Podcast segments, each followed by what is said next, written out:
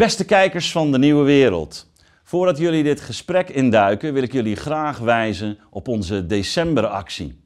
Wij kunnen onze programma's alleen maken dankzij kijkers zoals jullie. Vorig jaar hadden we bijna 5000 donateurs en daar willen we dit jaar natuurlijk graag overheen. Help ons dus en steun ons door te klikken op de link rechtsboven in beeld of ga naar de beschrijving hieronder. Ik dank jullie bij voorbaat van harte. Welkom bij de Nieuwe Wereld. Verdiepende gesprekken in een tijd van verandering. Mijn naam is Ad Verbrugge en vandaag is bij mij te gast Paul Kommen, emeritus hoogleraar geschiedenis van de filosofie.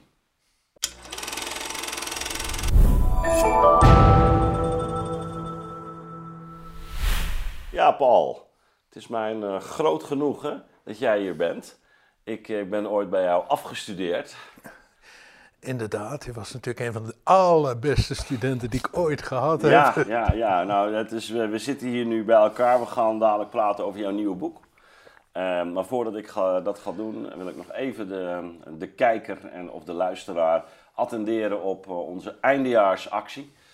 Um, ja, want het is weer december en um, zoals uh, jullie hopelijk al meegekregen hebben, is dat ook tijd voor onze eindejaarsactie. Want programma's zoals deze kunnen alleen maar gemaakt worden dankzij jullie als kijkers. En we hebben jullie hard nodig ook als donateurs. Dus um, ik wil aan iedereen ook bedanken die uh, al op dit moment gegeven heeft. Dat zijn er meer dan 1200. Um, ja, vorig jaar hadden we er notabene 3500. Dus we hebben nog een weg te gaan.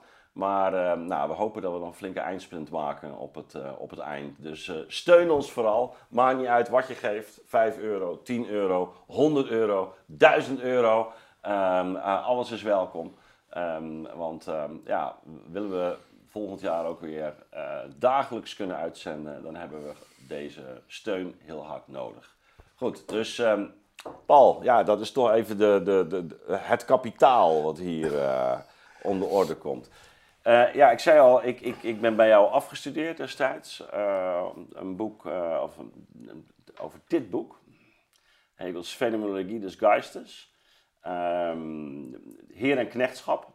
tot mijn grote blijdschap spe, spe, speelt het ook weer een belangrijke rol in jouw huidige boek over Marx. Marx, Marx bevrijd.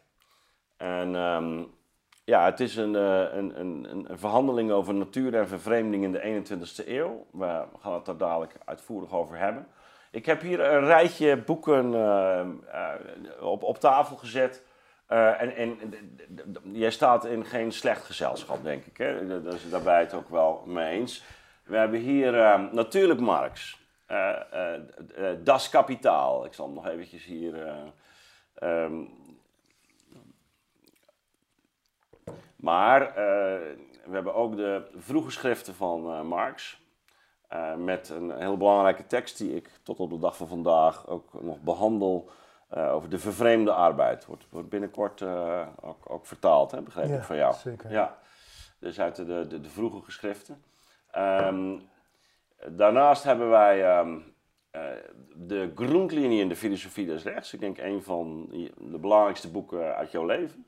Samen met de fenomenologie des geistes. Samen met de fenomenologie des geistes, ja, inderdaad. Ja. Ja, ja, dat klopt. En die, die, die, nou ja, we hebben hier eigenlijk, um, je zou kunnen zeggen, uh, jouw, jouw synthese. Hè, die, ik, ik, het is oneerbiedig om misschien om ze er, er bovenop te leggen, maar jouw synthese, uh, uh, toch gebaseerd op deze werk. Je gaat een gesprek aan met, met Hegel, een gesprek aan met Marx ja, Marx is natuurlijk wel de, de, de, hoofd, de hoofdthematiek, maar dat doe je toch ook vanuit die Hegeliaanse uh, achtergrond. En um, ja, je, je transformeert daarmee eigenlijk beide, beide denkers. Nou, in welke zin, daar gaan we het over hebben met elkaar. Uh, ik zal een klein beetje plaats maken hier. Uh, ik leg ze ondertussen hier neer. Nou ja, misschien kan ik ze ook wel laten staan, hè, Kento? Wat denk jij? Ja, laten staan. Ja, zo laten staan. Ja, dat blijft ook wel, wel weer mooi. Laten we dat met kerst maar gewoon doen. Um, ja, Paul, dus um, laat ik eerst gewoon met een. Uh, we hebben al uh, tegen elkaar uitgesproken. We, we, proberen ons ervoor te hoeden dat uh, dit een te theoretisch gesprek wordt waar de, de kijker niets meer kan van. Want dat kan makkelijk. Wanneer wij uh, ons op deze boeken baseren. Ja, dat- dus dat- we, probe- we proberen het toegankelijk te houden, maar ik sluit ook niet uit dat we af en toe wat eh, in, in, in de lucht stijgen. Het zijn ook werken waar ik redelijk goed in thuis ben, dus ja, ik vond het fijn om te lezen, het boek. Eh, heel origineel ook weer, eh, echt Kobbiaans zou ik bijna willen zeggen. Dankjewel. Ehm, maar laat ik toch gewoon beginnen. Wa- waarom nu een boek over Marx, Paul? Nou, het komt in de titel een beetje naar, naar voren al. Hè. Ik denk dat eh, ja, onze tijd is natuurlijk een tijd dat de natuur kapot gaat. Ja, Eh, we weten eigenlijk niet hoe lang alles nog, nog, nog heel blijft. Dus het is een zeer urgente problematiek. En ik denk dat eh, ja, Marx heeft over veel dingen wat te zeggen. Enerzijds heeft hij wat te zeggen, denk ik, over ja, een van de oorzaken dat die, dat die natuur nou kapot gaat. Ik denk Ja. dat eh, uitstekende analyse eigenlijk heeft gegeven van de, van de instrumentele reden. Maar eh, ja, anders dan sommige Frankfurters zou ik ook zeggen, ja, die, die instrumentele reden, hè, dat is niet het enige wat bij Marx te vinden is. Hij heeft ook een perspectief eh, ontwikkeld op, op de toekomst. Hij noemt dat het Rijk der Vrijheid. En nou ja, daar probeer ik op een bepaalde manier inhoud aan te geven. Maar dat is met name nu ook van belang, denk ik, hoe Marx dat doet.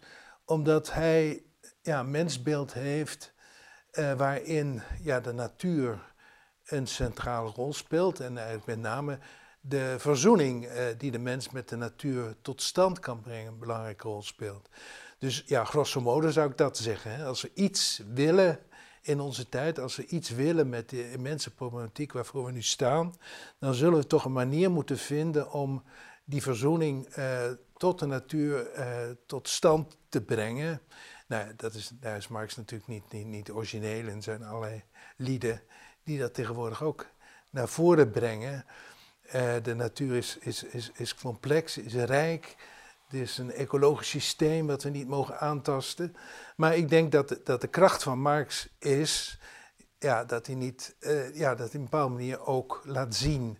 In eerste plaats hoe die problematiek tot stand gekomen is. Die komt natuurlijk niet uit de lucht vallen. En ja, wat ik zeer krachtig vind, is ja, dat hij toch ook hoop biedt. Nou ja, een, een, een redelijke hoop biedt in die zin dat hij zegt van de, de, de opheffing van, eh, van het kapitalisme, het Rijk van de Vrijheid, wordt in het schoot van het kapitalisme geboren. Dus dat hij tevens laat zien ja, dat hoewel hè, datzelfde systeem, eh, zou ik maar zeggen, wat alles kapot maakt, ja, toch weer aanknopingspunten biedt om ja, tot een nieuwe verhouding te komen. En eh, ja, in zijn terminologie het Rijk van de Vrijheid Ja. binnen te treden. ja dat, is, dat is natuurlijk ook kenmerkend voor, voor het historische materialisme. Of die dialectisch gedacht is, is het kapitalisme ook gewoon een noodzakelijk moment in die, eh, in die bevrijding. Ehm, ja, een paar, eh, paar opmerkingen. We gaan ehm, eh, zo je boek door. Hè. Ik, ik was zelf ook wel verrast hoe je ehm, eh, ja, die, die, die instrumentele reden introduceert. En, en ik was me daar eigenlijk niet zo van bewust ehm, ja, hoe die, die problematiek eigenlijk bij Marx speelt. Daar kunnen we het eh, dadelijk over ehm, eh, hebben. Ehm, maar ook, eh, realiseerde me gaandeweg ook wel, dat er zit iets merkwaardigs in dat, in marxistische denken. Omdat wij kennen het natuurlijk bij uitstek, laten we zeggen, vanuit zijn, nou ja, toch wel wrange erfenis. Hè? Eh, die, die een groot deel van de eh 20e eeuw eh, ja, toch wel heeft bepaald. Eh, al met de Russische revolutie, later natuurlijk het hele ontstaan van het Oostblok, ehm, tot en met alle effecten die dat tot op de dag van vandaag heeft. Ehm, eh, totalitaire regimes die zijn eh, ontstaan in die eh, periode.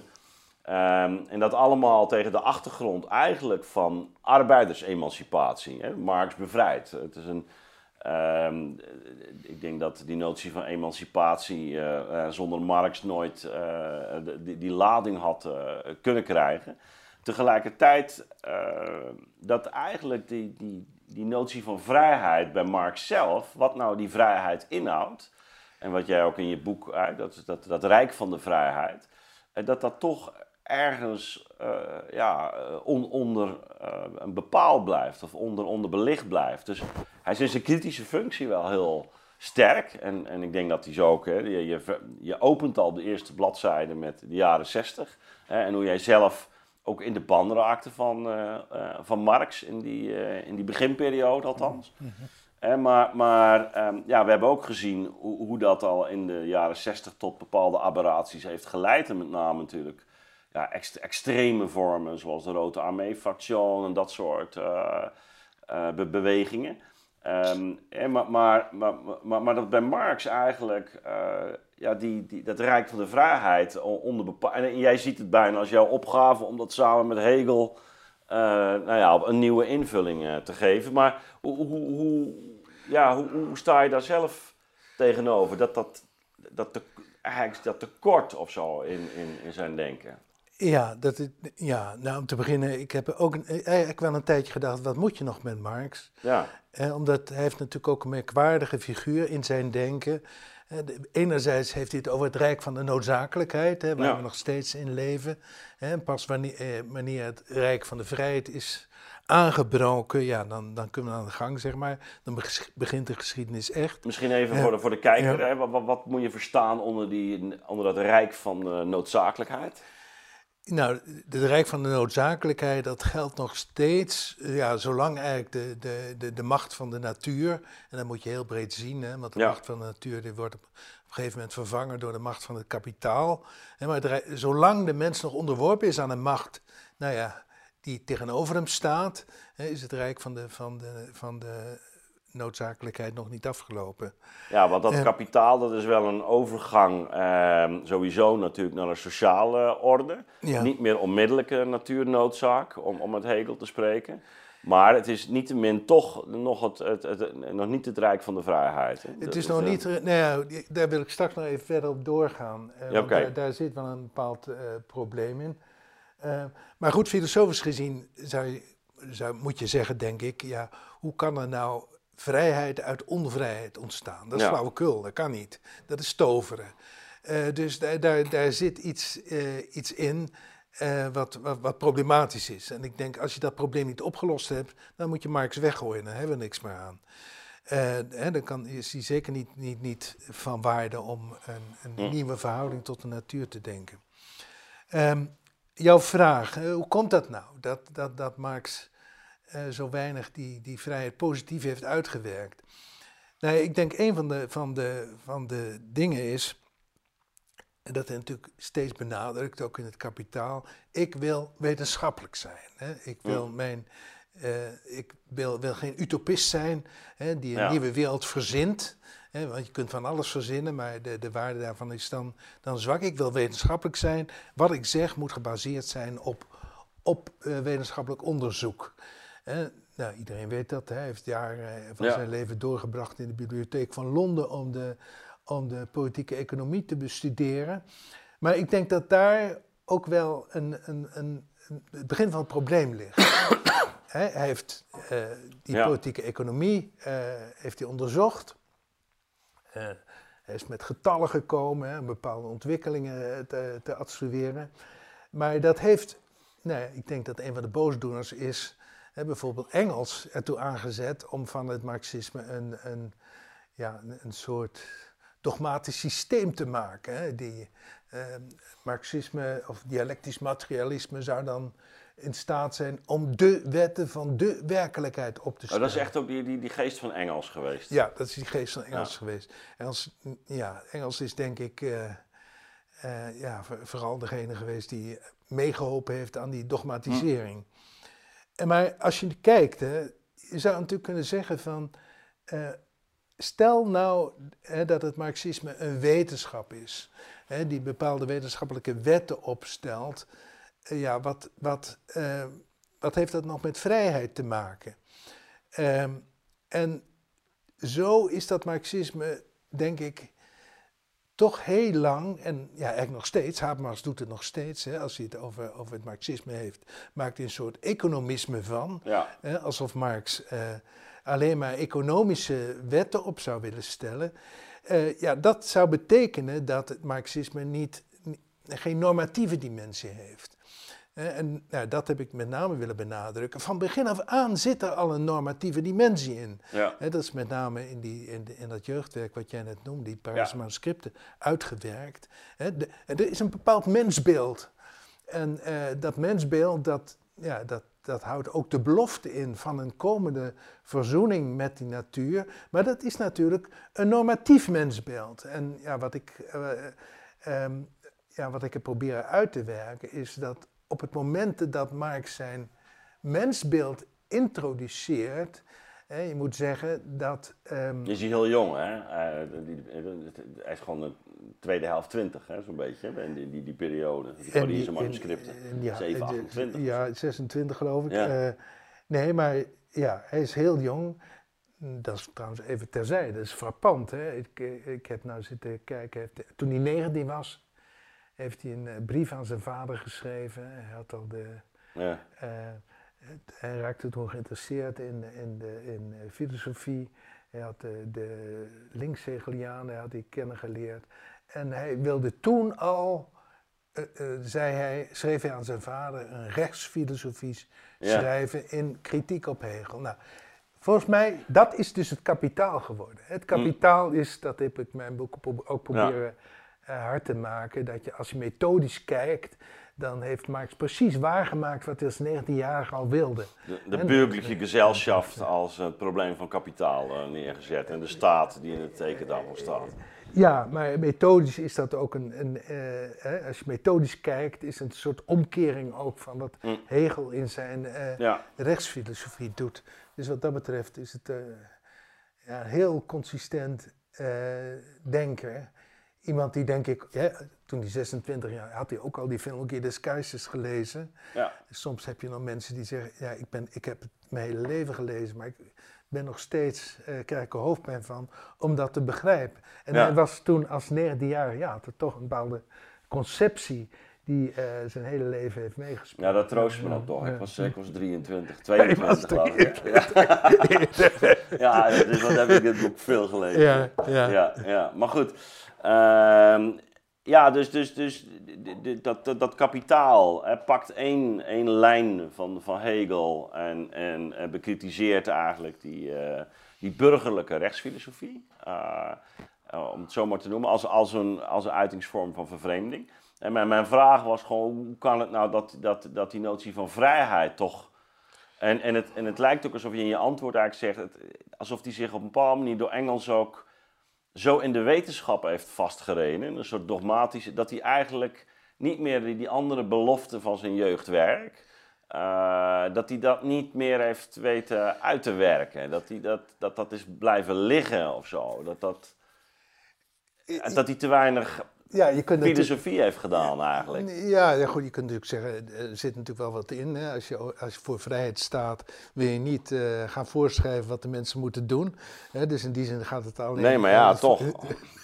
Uh, ja, nee, dat... dat, dat uh, en we hebben gezien waar, waar dat in heeft geresulteerd vervolgens, na zijn dood. Ja, we hebben gezien waarin het geresulteerd heeft. Um, we hebben... Um, je wil zeggen, hoe, hoe komt dat dan dat dat normatieve moment uh, ondergesneeuwd is? Nou ja, ik denk dat hij daar toch ook wel zelf uh, enige schuld aan heeft. En dat heeft te maken met waar we het net over hadden. Hè. Hij zei dus, we hebben eerst het rijk van de noodzakelijkheid en pas daarna mm hè, treedt het rijk van de vrijheid in. En ik zei net al, filosofisch gezien is dat onbevredigend. Als de mens vrij is, is hij altijd al vrij. Er kan niet een soort evolutieproces gedacht worden waar de mens eerst niet vrij is en plotseling is hij wel vrij. Dat is een, een, een raar soort wonder. En dat, dat zou een zeer onwetenschappelijke manier zijn, zou ik maar zeggen, om de, om de zaak te benaderen.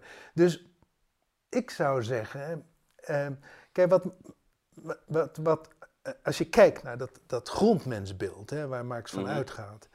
Uh, hij zegt dan, de mens verhoudt zich tot de natuur. en die natuur die staat als een uitwendige macht tegenover hem. Nou, dat is niet zo raar om te zeggen, hè, we moeten de natuur bewerken om eh, als het ware Mhm. Te kunnen leven. Hè, maar vervolgens laat hij zien dat daar toch een spanning in zit.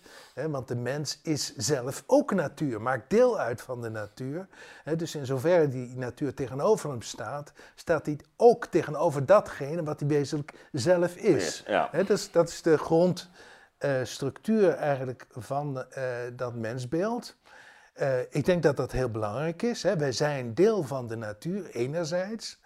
Maar anderzijds zijn we natuurlijk niet alleen maar eh, dieren. Hè. We, zijn, we, zijn meer naar, we zijn meer dan dieren.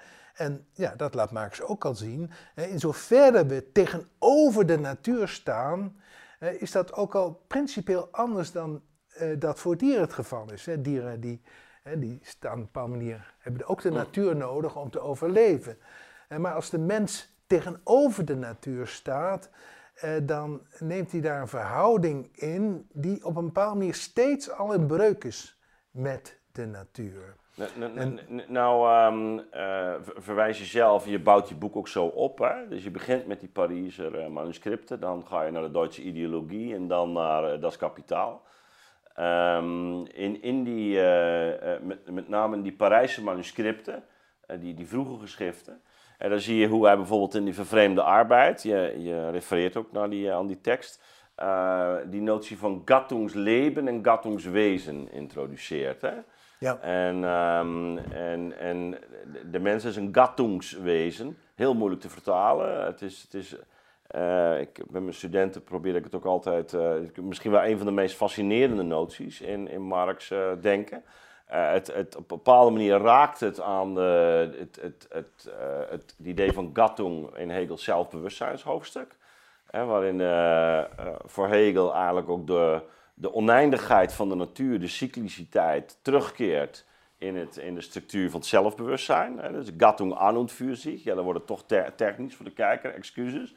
Eh, maar Marx, Marx interpreteert dat eh, als, als een, de mens heeft, heeft be- bewuste levensactiviteit, levenstätigheid. En, en verhoudt zich, maar daar lijkt het alsof hij, zeg maar, dat die interactie met, met de, de, ja, de levende natuur, als die, ehm, ja, dat is eigenlijk het, het, het, het eigenlijke leven, het Gattungsleven, waarin je voortdurend materieel interacteert. Ehm, eh, zowel ook theorie is voor hem al een vorm van consumptie en eh, verteren, verdouwen noemt hij het ook. Dat is de, heel erg een soort materiële processen waarin we betrokken zijn. En, en tegelijkertijd, eh, ja, en, en daar hoorde ik ook een beetje die levens, die openheid die jij creëert, zie ik wat in die tekst. Omdat hij daar ook heeft over, ehm, ja, wij, wij kunnen dus ook produceren volgens de wetten van de natuur. We kunnen volgens de wetten van schoonheid. We kunnen, eh, we zitten niet vast aan één eh, activiteit, zoals de dieren die een nest bouwen of de bijen een, een, bijenkorf. Wij, zijn, we hebben een vrije eh, levens, omdat we, omdat we een bewuste eh, levensactiviteit eh, hebben als, als. Valt me nou op dat je in dat boek dat niet heel erg benadrukt, maar ehm, ik, ik denk wel dat je dat, dat je dat herkent, wat ik zo, zo schets. Ja, ik weet niet of ik het niet- benadrukt. Ik, ik laat eigenlijk al zien dat hè, dat mensbeeld wat, wat Marx introduceert, de mens als kattingswezen, ik koppel dat ook aan... Ja, je noemt het wel, hè? Dat ja, ik noem het, maar ik, ik koppel het ook aan Hegels analyse van de polis en uiteindelijk ook met, eh koppel het aan Aristoteles. Ja. Eh, en daar, Aristoteles zit dat eigenlijk ook al in. Hè? De mens is een kattingswezen, met een soortwezen. Of hè, met name gaat het erom, Ja. hè, als je je tot de natuur kunt verhouden, hè, dan is er meer aan de orde dan een onmiddellijke verhouding eh, eh, tot de natuur. Ja. Aristoteles zegt al, wat maakt de men- mens? Hè, Aristoteles zegt, mens is ook dier, een mens Ja. is ook een natuurwezen, maar de mens is ook vrij. De mens verhoudt zich tot de natuur. Zo'n logon. Hegel. Zoolog. Ja. En Aristoteles zegt dan al, en dat is denk ik die uitwerking van de kattingswezen wat Marx ook hanteert, de, de, dat de mens een reden heeft, dat, dat is niet iets, eh, een individuele reden van mij of van jou. Die reden die is alleen te denken op het niveau van, eh, van de gattung, van de samenleving. Eh, Aristoteles zegt al, de mens creëert een tweede natuur, en die tweede natuur is als het ware een bepaalde manier uitdrukking van zijn, van zijn logos. Van zijn natuur. Van ja. zijn natuur. Ja. En, eh, dus in die zin, ehm, ja, ik ben het eh, zeker met je eens. Hè. Het staat het in een traditie van, eh, nou, ik denk Aristoteles al. Hè. Marx is ook een, grote bewonderaar van Aristoteles. Ja. Leek ook het kapitaal. Maar ja, nee, ik probeer dat trouwens wel te benadrukken. En met name ook, kijk, belangrijk is. ehm, ehm, in, hoe kun je, hè, de- vraag is, hoe kun je in verhouding tot de natuur denken? Hè, als je zegt, in een onmiddellijke verhouding tot de natuur, ja, in zekere zin is dat niet een verhouding. Hè. Dieren nemen onmiddellijke Ja. verhouding, ja, wel een verhouding tot de natuur, maar die transcenderen de natuur niet. In die verhouding tot de natuur doen ze niets anders dan hun, weet ik wat, hun driften uitoefenen. Een verhouding tot de natuur is steeds al een breuk met de natuur. En dat is denk ik bij Marx steeds aan de orde. Hè? Dus die verhouding tot de natuur is steeds al een bepaalde maatschappelijke orde, een bepaalde, eh, be- bepaalde vorm van arbeidsdeling, een bepaalde, eh, bepaalde manier van in de samenleving staan. En zonder dat is die verhouding niet te denken. Dus ik ben het zeker met je eens hè, dat de mens een gattingswezen is. Eh, dat, dat, ja, dat ligt ten grondslag aan dat hele eh, mensbeeld van Marx. Ja, ik, maar ik, ik noem, het, ik noem het zeg maar ook omdat ehm, het is niet voor niets dat hij natuurlijk in, diezelfde, in datzelfde verband dat onderscheid maakt tussen dat soort leven en dat, eh, dat eh, of het Gattungsleben en het Gattungswezen. En dat in dat Gattungsleben hij, hij heel sterk zeg maar, die materiële interactie eh, eh, benadrukt. En, en dus wat ik zo even schetste. En wat bij jou op een bepaalde manier terugkeert wanneer je eh, dat, dat, ook dat onderscheid, ehm, ik heb me dat nooit zo gerealiseerd, dat vond ik wel mooi, eh, want dat is natuurlijk wel heel belangrijk geworden voor de 20e eeuw, tussen handarbeid en hoofdarbeid. Hè, als, als een soort, ehm, ja, ook een manifestatie van die vervreemding. Dat, die, dat, die, dat die arbeid steeds ongescholden raakt, als het ware, en, en eh, ja, dat, dat de mens met zijn hoofdarbeid die machines ontwikkelt. En dan lijkt dat zie je ook in die communistische kunst later. eh, ook bij Marx toch meer die, ja, het belang van dat, van dat interacteren voortdurend met die. Zo las ik ook jouw natuuropenheid een beetje. Dat je, ja, het, het blijft, eh, je, lijfelijkheid in die zin ook helemaal omarmt, om het zo maar te noemen. Ja, ehm, je lijfelijk helemaal. Ja, maar, die, ehm, ja, maar dat is, nee, is een van de moeilijkste dingen, maar ook een van de inter- interessantste dingen van Marx uiteindelijk. Ja. Wat, wat is die utopie nou? Wat is dat omarmen van die natuur? En, waarom, en, en jouw vraag eerder, Ja. waarom heb je dat dan niet uitgewerkt als het daar dan eigenlijk om gaat? Nou, ik zou in ieder geval het zo zeggen nu. Ehm, die, die, die verhouding tot die natuur, ik zou zeggen, ja, dat, waar, waar het Marx om gaat, is eigenlijk een, een openheid hè, tot de natuur. Een openheid tot de natuur in zijn eigen aard. Hè. Dat in de, voor Ja. meer een paar manuscripten maken dat al duidelijk. Ja. Hè. Dat de, de, de natuurdingen in hun eigen aard.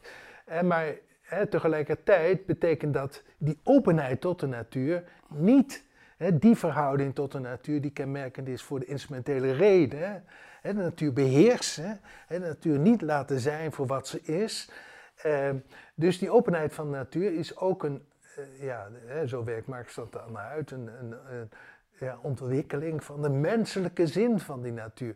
Hè, dus als we openstaan tot de natuur, ja, dat is eigenlijk een, een manier waarop we natuur Ja. tot in al zijn uiterste details en, en, en kleinigheden eh, tot ons kunnen laten komen. Hè. We zijn, die openheid tot de natuur is niets meer willen, niets meer willen verhullen. en Maar die is ook heel meer- zintuigelijk, hè? die is heel, ja, die is heel zintuigelijk, ja. Dus dat, dat- nou ja, goed, net als, nou, ja, even een schemaatje. Ik denk, Ja. eh, wat je zei, ehm, eh, hè, kapitalisme is scheiding tussen hoofd- en handarbeid, is eigenlijk scheiding tussen geest en lichaam. Precies, Hè, ja. Dus dat, het project van Marx is die scheiding tussen geest en lichaam weer verzoenen. Ja. Hè, die, die, dus die, eigenlijk, het, en ik denk dat dat ook Hegels project is. Hè, de hele film. Absoluut.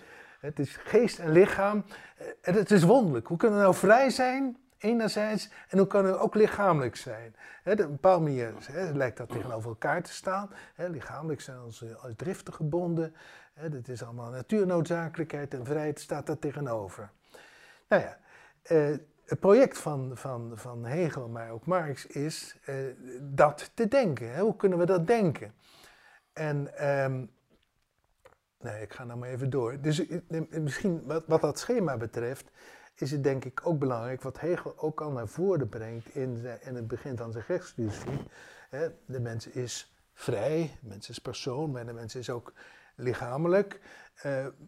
Wil hij zijn vrijheid verwerkelijken, dan moet hij een beeldingsproces doormaken. Hè? Hij moet zijn, vormen. Hij moet zich vormen. Hè? Zijn natuur moet de vorm van de vrijheid krijgen. Hè? Dus dat is als het de inhoud van die vorming. En dat is ook de voorwaarde om die verzoening tussen vrijheid en uh, natuur uh, te denken. En ook bij Hegel heb je dus eigenlijk ook wel een. een, een, een nou ja, jij kent dat natuurlijk allemaal in die filmologie uh, is er ook een, een. Hè? Er is een bepaalde manier ook sprake van een beelding uh, van de lichamelijkheid. En uh, projecteert Hegel ook in de, in de geschiedenis een soort beeldingsproces naar de mogelijkheid om vrij te verwerkelijken. Hè? Hij legt dat punt bij de Franse Revolutie. Hè? Dan, dan is als het ware. Ja, dat is het eind van de, de Rijk der Bildung. Hè? Die, die, het eind van de Rijk der Bildung. Maar ja. dat betekent dus eigenlijk dat. dat ja, de natuur, uh, in zeker, en, ja, de, in Marx-terminologie, de macht van de natuur ge, gebroken is. En dat in die zin de voorwaarden aanwezig zijn om. ja, en dat tegelijkertijd de scheiding tussen hemel en aarde is opgeheven. Dat, er, dat is dat de hemel op aarde komt. Hè? Dat is, maar daar is een onmiddellijke vorm en, en daarmee ook heel gewelddadig. Maar misschien nog, nog even terug, want, want uh, het is ook heel duidelijk dat hier uh, zeg maar de, de, de geest van Schiller aanwezig is. Hè? Marx was ook evident uh, beïnvloed, was een grote bewonderaar ook van, van Schiller, die eigenlijk met hetzelfde thematiek worstelde. verstand versus zintuigelijkheid. de, de, um, hoe noemt je het ook alweer? De, de, de, de, de, de, de zinnelijke, of de zinnelijke trieb, de stoftrieb en de verstandstriep of de vormtriep. En dat, dat moet dan samenkomen in de spieltriep. Um, ja, het is voor mij zeg maar, ook, ook, uh, ook jouw tekst weer lezend, uh, maar ook terugdenkend aan al die aberraties die we gezien hebben in die totalitaire regimes uh, van, de, van de 20e eeuw.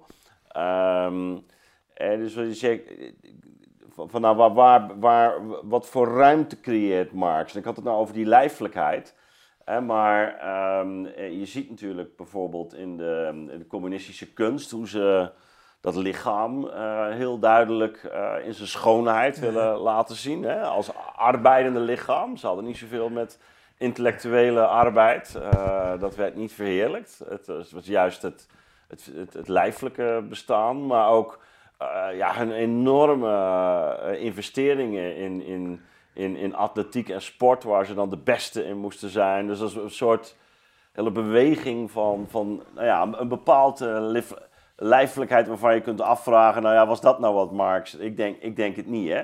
Maar, maar toch, het is wel, het is wel iets wat, uh, wat, wat, wat op een bepaalde manier denk ik toch aan hem raakt. Um, eh, ja, jij zoekt ook naar, naar, naar wegen om, om met Marx toch ook, ook dat project van Hegel uh, net een iets andere draai uh, te geven. Je zegt ook, uh, nou, dat gaf je aan het begin van het gesprek aan, ja, waarom zou je anders nog Marx lezen en wanneer die ons niets meer te, te, bieden heeft of te, te leren heeft.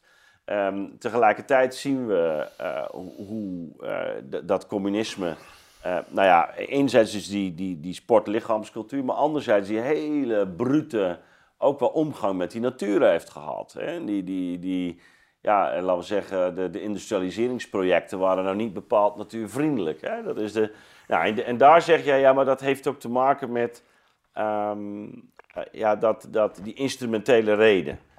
Dat, dat, ze, dat, dat, dat ze eigenlijk Marx niet goed hebben uh, toegeëigend in die, in die communistische wereld. Ja, dat is heel erg kort door de bocht. Je kunt natuurlijk zeggen, ja, wat, wat zegt Marx eigenlijk? We moeten de markt opheffen, want dan kunnen we op een zelfbewuste manier eh, onze economie organiseren. Hè? Dat is eigenlijk wat, wat, wat in, die, in die communistische wereld gebeurd is. Alleen de vraag is, eh, wie, wie is dat subject dan hè, van het organiseren van die economie? Ja. Hè, dat is dan dus de, de oligarchie geworden, of de, de, de, de, de, de partij, Ja. de partijdictatuur, die wel wist wat goed is voor het volk. Dus je kunt zeggen, ja, nou dat zijn dus goede bedoelingen. Hè. De- en en je kunt dan wel zeggen dat je namens het volk regeert, eh, maar in feite onderdruk je het volk. Zo zitten mensen niet in elkaar. Dus dat is, eh, dat is eh, eh, te, eh, te naïef. Dus, en zo naïef was Marx natuurlijk niet.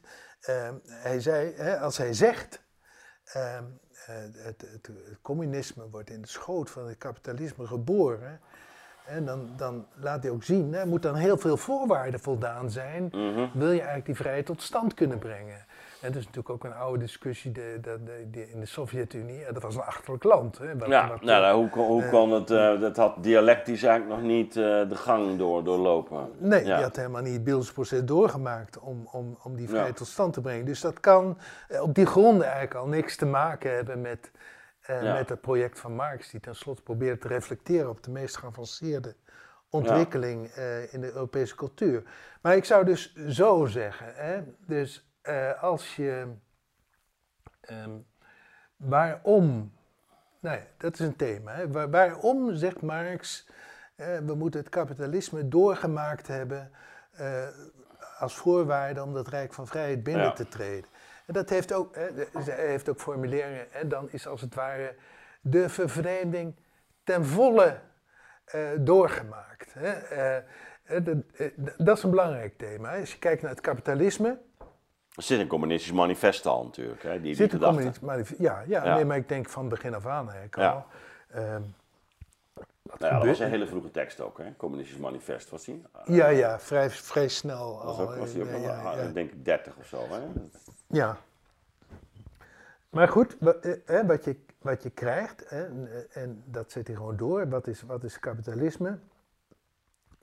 Ehm, dat is, ehm, ehm, dat is een, een, een samenlevingsvorm waarin de, van een totale vervreemding, hè? De, de, Ja. de, de natuur wordt totaal onderworpen aan een abstract wezen. Het abstract wezen is dan geld. Ja. En, ehm, Ja, een mens van zijn, echt, echt van, zijn, van zijn soort wezen vervreemd, hè? Want Ja. eh, zo- iedereen concurreert elkaar. En nou ja, goed, hè, die idee is in ieder geval, hè, als, als die macht die tegenover je staat, als die, als, als die, eh, eh, als die ten volle begrepen kan worden, hè, dan is er ook een overgang mogelijk. Je zou kunnen zeggen van, het is steeds al zo dat Marx zegt van, eh, de mens is onderworpen aan de macht van die natuur. Maar onder kapitalistische verhoudingen is die onder, de onderwerping aan de macht van de natuur tegelijkertijd iets geworden wat door de mens zelf tot stand Ja. gebracht is. Hè? Ja. Want het kapitaal is dan die macht geworden. En het kapitaal in Marx' analyse is niets anders hè, dan de resultanten van de arbeidende mens. Dus eh, juist omdat dan ingezien wordt dat die macht die tegenover je staat, door jezelf voortgebracht is, juist dat is de conditie waaronder eh, ja, als het ware een nieuwe verhouding tot die werkelijkheid eh, mogelijk is. Ik heb dat proberen te extrapoleren naar onze tijd toe.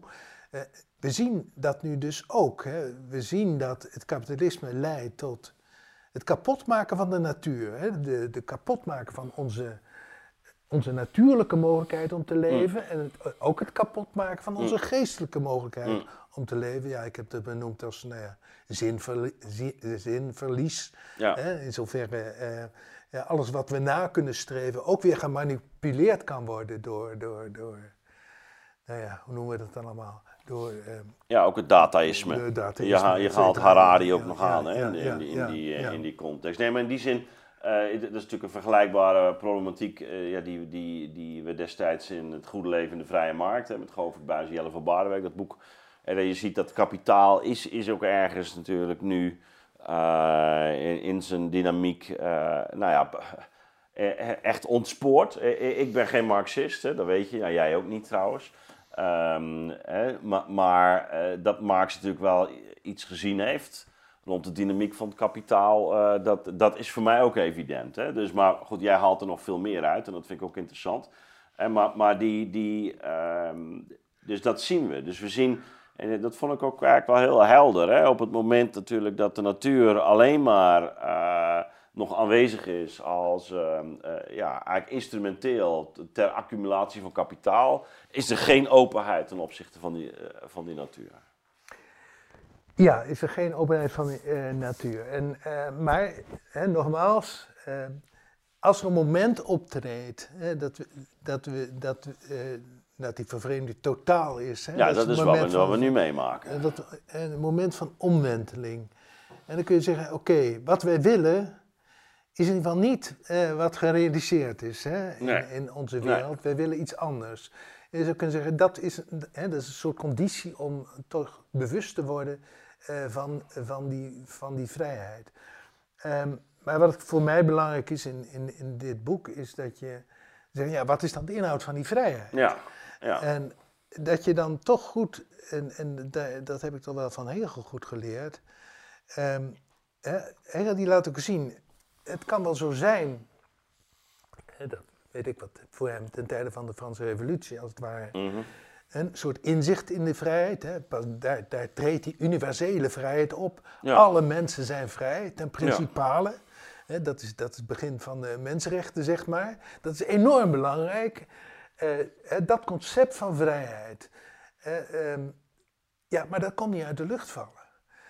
Je kunt niet zeggen, ja, dat is helemaal ingezien, weet ik wat, op, op filosofisch ja. niveau. Nee, dat moet wortelen in de, in de samenleving zelf. En, en dat dat concept uh, van vrijheid tot stand gekomen is, dat heeft te maken met een historische beelding. Die Hegel ook reconstrueert. Hè, laat zien hoe allerlei periodes in de geschiedenis nodig zijn geweest om tot die universele ja. vrijheid te komen. En wat Hegel in zijn rechtsfilosofie laat zien, is denk ik dat die historische beelding eigenlijk door iedereen weer opnieuw doorgemaakt moet worden. Iemand die opnieuw geboren wordt, ja, is nog steeds een natuurwezen die ook vrij is. Ja, die moet een soort beeldsproces doormaken eh, om tot een adequaat inzicht in die vrijheid ja, te komen. zelfs uh, is voor hem een, uh, een, een, een, fase hè? in de, in de ouder-kindrelatie. Hè? In, oude in, in, het begin. In het begin. nou ja, daar hoeven we het verder niet over te hebben. Nou, misschien maar, zo. Dan maar, maar, maar, nee, maar de, ja, hij, hij, ja. hij, hij, hij haalt het antropologisch. Ja. Maar wat, even mijn punt. Hè. Uh, um, wat ik in die rechtsvisie belangrijk vind, is dat hij eigenlijk laat zien dat de instituties van die rechtsstaat eigenlijk de, de, de, iedereen weer in staat stellen om dat beeldingsproces door te maken. Ja. Dus je hebt een specifieke ordening van instituties nodig om dat vrijheidsidee, wat historisch ja. gegroeid is, in de lucht te houden. En, en, en, burgers te hebben die zich bewust zijn van wat die vrijheidsidee betekent. Ja. Die vrijheidsidee is nooit af. We staan continu in een soort soort vormingsproces om die vrijheid die we ten principale hebben, om die binnen te halen. Ja, en we dreigen ook steeds weer terug te vallen naar de natuur. Hè? Dat is uh, de onmittelbare natuur. Ja, ja, ja, en, en de, de, die spanning die blijft natuurlijk. Hè? We zijn geen, we zijn ja. geen goden, we blijven, mm -hmm. we blijven ook op een bepaalde manier aan die natuur gekoppeld, maar dat neemt niet weg hè, dat, dat we wel in staat zijn om, om steeds ernaar te streven die, die, die vrijheid tot stand te brengen. En dus in die zin denk ik, er zit uiteindelijk er zit ook een Kantiaanse element in, hè, die, die vrijheid is. Ja, uh, maar ja, wat je zegt is, het startpunt is wel al vrijheid. Tegelijkertijd heb je voor de verwerkelijking van die vrijheid dus historische uh, uh, condities nodig. Hè, waaronder, die, waaronder die denkbaar is of mo mogelijk wordt. Ja. Um, nou, nou, nou, ja, nou, nou gaan, vallen we niet terug naar Hegel. Um, hè, want, want je hebt toch ook probeert toch ook te laten zien dat Marx dan nog iets te zeggen heeft. Uh, ten aanzien van dat Hegeliaanse uh, project in, jou, in jouw ogen? Ja, ik heb. En waar, waar zit hem dat dan waar zit in? in? Nou, in de eerste plaats denk ik, uh, nou jij kent die rechtsstructuur ook goed, daar staan ja. natuurlijk hele rare dingen in. Hè? De burgerlijke maatschappij is niet rijk genoeg voor allen. Ja. Hè, als je dat leest, hè, dan ga je toch wel even met je ogen knipperen. Hè? Dit is een boek, hè, dat gaat om de principiële vrijheid van de mensen. En ja. in de ontwikkeling van die vrijheid zou, zou de samenleving niet rijk genoeg voor allen zijn. Daar, daar zit toch iets mis. ik denk dat dat een van de punten is waar, waar Marx over aan het, aan na, nadenken was. Ehm, dus ik heb gezegd, ehm, ehm, ja, ik heb te proberen te gieten in die thema. Heeft, heeft Hegel eigenlijk wel voldoende rekenschap gegeven aan de mens als, uh, als natuurwezen? Mhm. als je mensen als natuurwezen neemt, is elk, elk natuurlijk individu doet ertoe, wat ook vrij is. En je kunt Mhm. niet een deel wegvagen. Ehm, dus in die, maar goed, ik heb dat dan proberen te gieten in het vat van is Hegel wel trouw geweest aan zijn project, wat toch ook een project was. Ik wil recht doen aan de mens als vrij natuurwezen. Eh, er zijn meer elementen, hè, ik zou ook zeggen van. ehm, je hebt dan die drie, die, die drieslag bij Hegel, hè, burgermaatschappij, familie en staat. Hè, maar ook op het niveau van, van de wijze waarop waar Hegel familie denkt, is denk ik ook, doet hij te weinig recht aan, ehm, aan de mensen als natuurwezen. Ik denk dat dat alle aanknopingspunten biedt om eh, Hegel ook meer naar onze tijd toe te trekken. Hè. We leven natuurlijk in de tijd van ehm, identiteitspolitiek. Hè, Je, zou kunnen Ja, je laat je er toch ook weer kritisch over uit. ik laat me daar kritisch over uit, omdat ik die identiteitspolitiek veel te weinig radicaal vind. Je kunt eindeloos veel identiteiten verzinnen. En je, jezelf op een bepaalde identiteit vastprikken, vind ik een belediging voor de menselijke vrijheid. De mens is, heeft vrij, is vrij en staat dus open voor welke identiteit dan ook. Dat is overigens Ja, ook iets wat Hegel eh, zegt. Hè? In een van zijn colleges zegt hij, ja, het is tegenwoordig weer gebruikelijk om over de Duitser, de Italiaan of de Joden te gaan spreken. Ja, ja. Hè? Maar ehm, eh, laten we eerst beginnen dat de mens een vrij persoon is. Hè? En, eh, en, en, en dat, dat, dat daarin zijn, ook zijn, zijn, zijn eerste waardigheid ligt. Eh, hoewel die zich dan niet tot cosmopolitisme bekent, maar wel zich tegen die hele, eh, laten we zeggen, etnische identiteiten keert. Ja, ten principale is eh, te- te- terecht. Hè? Maar als je kijkt hoe Hegel dan weer zijn huwelijk uitwerkt, ja, dan hoef je niet heel knap voor te zijn om te bedenken, ja, dat is toch wel erg, Ja, erg 19e eeuws. huwelijk tussen man en vrouw, vrouw, eh, hoedster van het huis, man, vertegenwoordiger van de familie in de burgermaatschappij. Nee, dat zijn natuurlijk ideeën die we niet, niet Ja. geen weinig mensen meer huldigen, denk ik. Ehm, maar dat is ook een manier, denk ik, om te zeggen, ja, Hegel doet te weinig recht aan de mens als natuurwezen. Eigenlijk zou je kunnen zeggen, de, de, de geslachtelijkheid tussen man en vrouw wordt gereduceerd tot een logisch schema. En eh, dat is het dan. algemeenheid, En, bijzonderheid. oh, en ja, dat, dat wordt. eh, ehm, ho- hoewel ik er ook altijd, eh, maar dat is niet de plaats dat we dit nou heel uitvoerig gaan bespreken, maar het is ook wel weer interessant natuurlijk om te zien hoezeer hij dan toch eh, ook die geslachtelijkheid. Je zegt Aristoteles is een paar. eh, Aristoteles, en, Aristoteles zegt de mens is een paarwezen.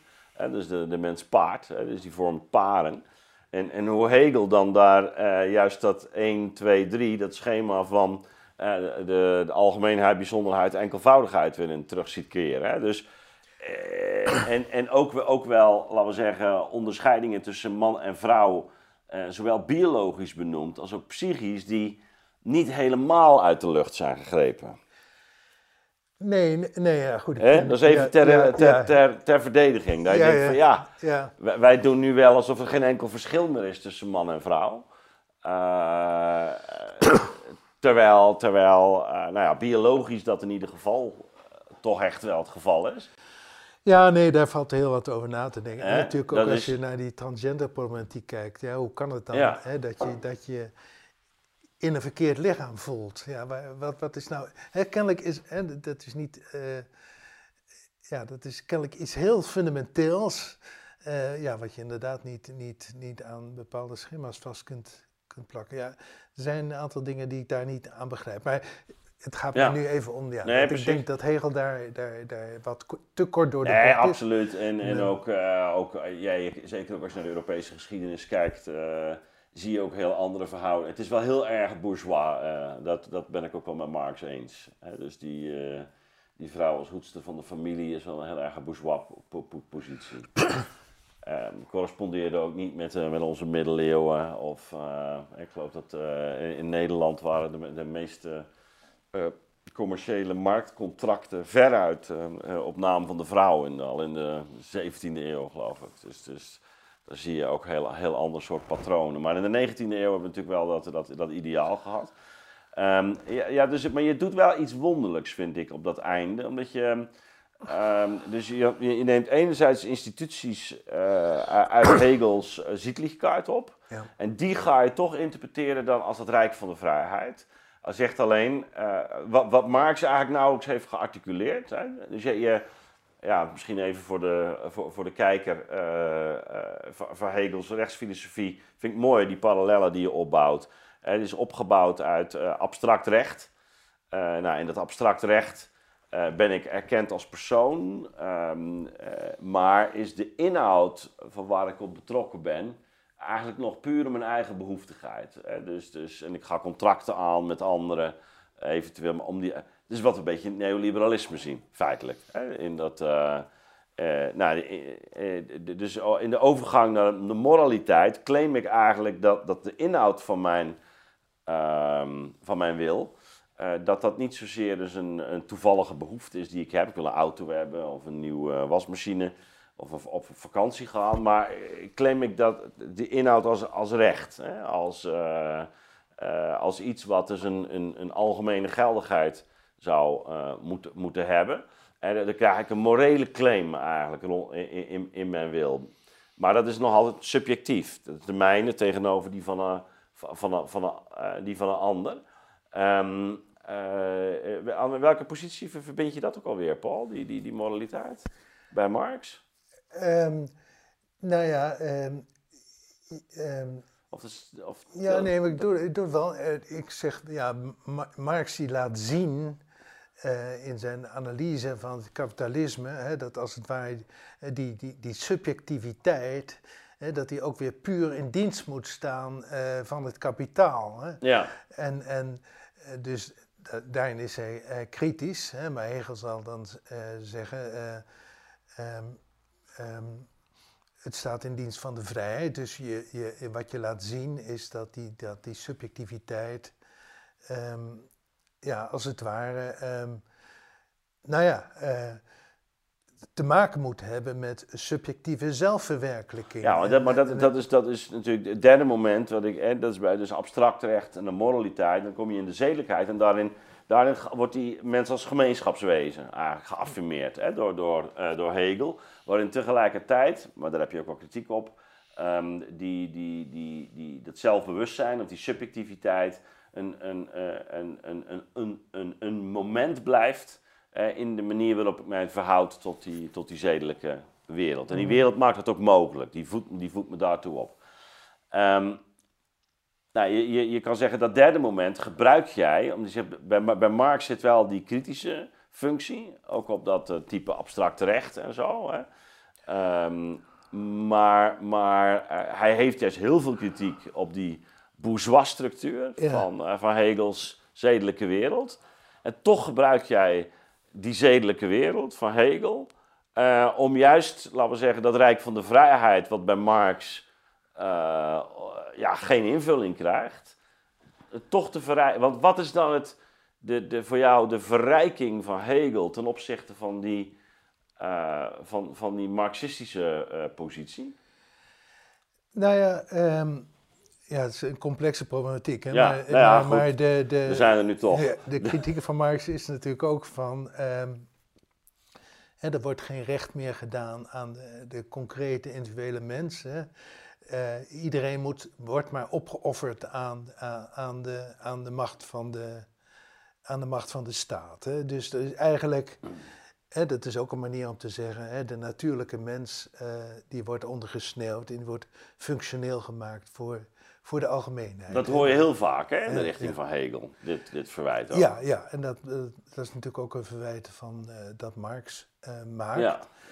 Maar dat is niet helemaal terecht, lijkt mij. Hè? nee, ik ben het daar ten principale mee oneens. in ieder geval ten principale ja. mee oneens. want het project van Hegel, ook in die rechtsfilosofie, is hoe, hè, hoe kan ik een samenleving denken waarin alle ja individuen als lichamelijk vrije individuen een plek kunnen krijgen. Ja.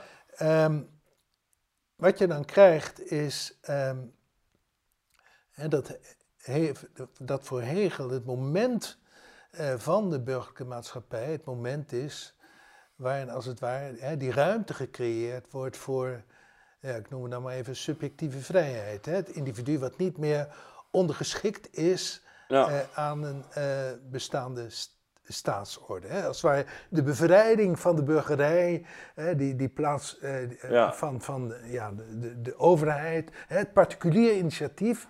Hè? Kun je zeggen, ja, dat is nog ideologisch. Uh, maar goed. maar het is ontzettend belangrijk, hè? want dat, ik, ik, ik, ook dat leg ik mijn studenten vaak uit. Als we dat deel bijvoorbeeld over systeem der bedürfnissen gaan lezen of iets in die, uh, uit die burgermaatschappij. Van ja, dat, dat voor Hegel uh, er een wereld is waarin, waarin ik buiten de sfeer van de familie kan treden. Hè? Dat ja, is ja. niet, niet onder de, de macht van de vader valt, hè? de patria potestas, zoals in de, Romeinse wereld, maar dat ik niet in een, in een clan zit, niet in een stamverband, maar dat ik gewoon me als individu kan gaan manifesteren. Op basis van mijn eigen inzet, van mijn talenten, van mijn interesses. Uh, ja, dat is toch een briljant inzicht. Ja, dit is, dit is een briljant inzicht. Hè, maar goed, het probleem gaat dan ontstaan, hè, dat, dat thematiseert Hegel ook al en Marx ook. Hè, als je eenmaal die burgerlijke maatschappij hebt en, en, en die, die burgerlijke vrijheden, uh, daaraan ruimte biedt, ja, dan moet dat op een bepaalde manier dan toch weer ja. samengenomen ja, worden. Het is één samenleving. En hè, dus de vraag is, hoe moet dat dan gebeuren? En um, heel is daar toch heel, nou, te beginnen al genuanceerder over dan Marx. Ja. Hè, natuurlijk. Hè, het is niet zo dat um, um, dus problematiek is hoe kun je de verhouding staat, burgerlijke maatschappij denken, hè, zodanig dat zowel de burgerlijke maatschappij overeind blijft staan, als toch hè, wat er in die burgerlijke maatschappij gebeurt, toch weer teruggeleid wordt naar ja. het algemeen belang. Hè. Ja, en, maar dat, dat, je kan zeggen, bij Hegel laat het voor een deel van onderop ontstaan. Hè? Dus, er, dus er, uh, je ziet dat er uh, sowieso... Uh, uh, op basis van eigenlijk een differentiatie van behoeften allerlei arbeidssferen ontstaan. Er is landbouw nodig, hè, er, komen bepaalde industrie. Uh, komt erop, uh, handel, um, moet het, dat moet ook nog georganiseerd worden. Dus je hebt iets van een algemene stand nodig die, die, dat, die dat gaat organiseren. Uh, hij gelooft dan heel erg nog in de gildes, dat, dat, die dat thematiseer jij ook. Hè? Of, of die Hegel noemt het dan coöperaties in, in, in zijn. Uh, um, maar het lijkt toch, net als bij, bij Adam Smith, en daar, daar moet ik Marx wel gelijk in geven, dat hij die macht van, van kapitaal heeft onderschat, ook Hegel. Um. Dat is zeg maar, een neoliberalisme wat wij gezien hebben, is op een bepaalde manier start met het uitgangspunt van die burgerlijke maatschappij. Ja, heeft hij nou de macht van het kapitaal onderschat? Uh, je hebt het over die corporaties. Hè? En, de, ja. en die corporaties die zijn geworteld in de, in de burgerlijke maatschappij. Wat die corporaties precies zijn, dat is best complex, denk ik. Maar waar het mij nu even om gaat, is dat mhm. Hegel toch steeds al zegt... Hè, die corporaties, die, eh, die moeten ook vanuit de staat bestuurd worden. Je zou kunnen zeggen dat is een communistisch motief. Het is niet een. Maar ja, het heen en weer. Heen en weer. Ja, heen en, weer. Ja, ja, maar het is een communistisch motief in die zin. Hij gaat er behoorlijk ver in hoor. Dat de besturen van die corporaties benoemd worden uh, vanuit de staat. Uh, nou, dit is een complexe problematiek, maar hè, je kunt niet zeggen, Hegel verwijten, heeft niet uh, heeft de macht van het kapitaal onderschat. En juist doordat hij zegt, hè, die corporaties, hè, die kunnen niet puur, uh, uh, puur eenzijdig vanuit de burgermaatschappij functioneren. Hè, maar er moet, is een terugkoppeling mogelijk, nodig op het niveau van de staat. Ja, dat is een soort ambtelijke bedrijfs... Het is een koppeling van burgermaatschappij en staat die, die je daar ja, ziet. Is een koppeling van... En ja, ik heb er altijd tegenaan zitten hikken hoe hij dat nou ziet. Hm. Hè? Van, uh, je kunt er allerlei slechte, is het corporatisme, wat, die, wat, en mm. uh, draai je eigenlijk niet de vrijheid van de burgermaatschappij om, als je op deze manier die, die, die staatsinvloed gaat. Maar het belangrijkste is misschien dat je in ieder geval laat zien dat die beide dimensies, dat je die niet zomaar van elkaar los kunt koppelen. En ik, ja, ik geloof als je kijkt nu naar wat, wat er nu aan de hand is. Hè. We hebben economische crisis gehad en dan, ehm, dan zijn systeembanken die de staat overeind houdt. Ja. En nu hebben we, weet ik wat, de energiesector. Uh, ja. We zien allerlei sectoren waar de staatsinvloed. Uh, nou ja, de staat, farmacie, ja, noem ja. allemaal op. Dus je ziet in feite, en, zo zou ik Hegel dan willen oppakken, dat daar een bepaalde vorm gegeven wordt aan, aan de verhouding staat. Uh, ja, corporatie, het economisch functioneren. Mhm. Zonder dat dat hè, dat hoeft niet een, een, een geleide economie te zijn, centralistische economie te zijn, maar hè, je kunt toch wel degelijk, eh, hè, kan de staat heel zorgvuldig voorwaarden stellen om. Um, um, nou ja, het is, Hegel, Hegel zal niet zeggen dereguleren. Dat, dat, is, niet, uh, dat is niet het motto, nee. Nee, dat is niet het, niet het motto. En um, nou ja, dus ik denk dat dat de grote, grote, grote vraag is. Die, maar, maar je ziet niet, want dat, dat was natuurlijk mijn. mijn uh, je ziet niet dat. dat met Marx, met die nadruk op kapitaal, hè, dus dat, dat, uh, en de macht van dat kapitaal, dat, dat, dat, maar daarmee Marx toch ook op iets gewezen heeft. Wat, wat bij Hegel onvoldoende in zijn, in zijn, nou ja, in zijn zwaarte wordt. wordt uh, ik bedoel, neem de arbeider in de burgerlijke maatschappij. De, arbe de arbeider, ja, de, de, fabrikantenstand komt voorbij, maar uh, hij thematiseert de arbeider niet. Nee, daar zitten, zitten uh, ik zeg ook van, Hegel heeft het over een bepaalde manier ook over loonarbeid. Ja. Uh, ik heb zitten betogen dat dat kun je helemaal niet met droge ogen doen, want loonarbeid is onmenselijk. dat is de reductie van de arbeid tot pure handarbeid, ook bij mm. Hegel al. Nou, dat, dat kun je niet accepteren als, als, uh, als humane samenleving. je kunt niet mensen alleen maar handarbeid laten verrichten. Dan maak je ze inderdaad tot dingen. dat, is natuurlijk, dat is natuurlijk de kritiek mm. van, uh, van Marx op het kapitalisme. Terecht. En ik vind dus ook terecht dat je dat Hegel aan kan wrijven, dat hij dat onvoldoende gezien heeft. maar je kunt natuurlijk niet Hegel verwijten dat hij eh, is blijven staan bij zoiets als, als handarbeid. Hij heeft, juist... hij, heeft natuurlijk ook niet die verelending gezien zoals Marx. Die, uh, dat was toch een generatie na hem. Hè? En, en, en uh, Engel, Engels heeft hem natuurlijk ook wel de ogen geopend voor, voor die Engels heeft hem de ogen geopend en Hegel leeft natuurlijk toch nog in een feodaal Duitsland. Die keek toch ook hoog op tegen hè, het moderne Engeland. Uh, hè, dat was toch het land van de toekomst.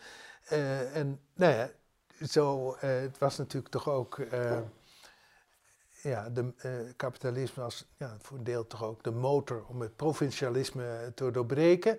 En dat soort elementen zitten denk ik ook wel bij Hegel. Maar je kunt hem niet verwijten dat hij ehm, uh, de burgermaatschappij op zichzelf wilde laten staan.